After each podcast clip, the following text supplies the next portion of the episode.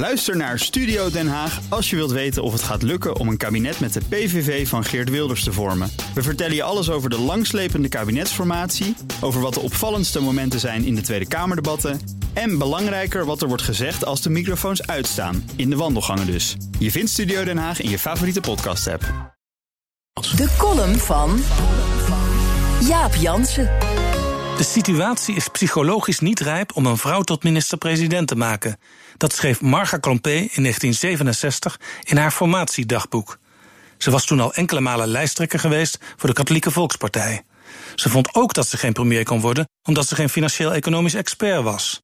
Het werd Pieter Jong die op zijn eerste persconferentie als premier verklaarde: Ik kijk naar de economie als een aap naar een roestig uurwerk. Inmiddels zijn we een halve eeuw verder en plotseling ontstaat in ons land een vrolijk optimisme over een vrouw als premier.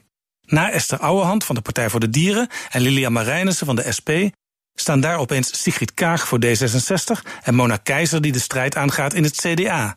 En anders dan vroeger zeggen Kaag en Keizer er meteen bij dat ze voor het allerhoogste gaan.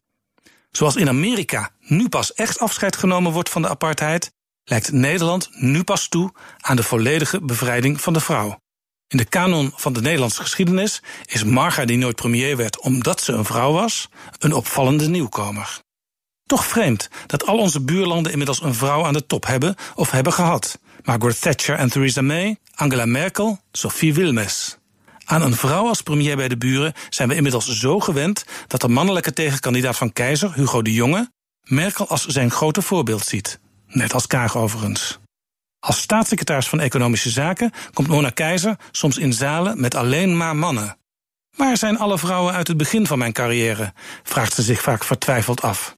Alleen in Nederland vragen we of een vrouw fulltime werk en een gezin wel kan combineren, zei Sigrid Kaag deze week. Nergens anders wordt zo over werkende vrouwen en hun rol in de maatschappij gepraat als hier. De cijferman van Nederland, Peter Hein van Mulligen van het Centraal Bureau voor de Statistiek, vertelde mij dat in Nederland van de hoogopgeleide vrouwen onder de 40 slechts 40% fulltime werkt. Nederland schokt in Europa achteraan. Geen wonder dat hier ook weinig vrouwen doordringen in de top van het bedrijfsleven. Misschien hebben wij Nederlanders een vrouw als premier wel nodig om die laatste mentale stap te maken om op alle niveaus vrouwen als vanzelfsprekend te aanvaarden. Toen Mark Rutte er bij de komst van zijn derde kabinet op werd gewezen dat zijn eigen VVD maar één vrouw had geleverd als minister, zei hij: Het is wat het is. Uiteindelijk is het clubje waaruit je politici recruteert voor dit type baan heel beperkt. Blijkbaar is ervoor gekozen niet goed genoeg te zoeken, zei oud-minister Edith Schippers, die nu DSM leidt, een van de grootste Nederlandse bedrijven. Ze was laaiend. De laatste tijd ziet Rutte soms plotseling het licht. Over Zwarte Piet zegt hij nu: daar ben ik anders over gaan denken. Zou dat de verrassing worden van 2021? Rutte maakt plaats voor het eerste kabinet Schippers. Columnist Jaap Jansen. Terugluisteren? Ga naar bnr.nl of de BNR-app.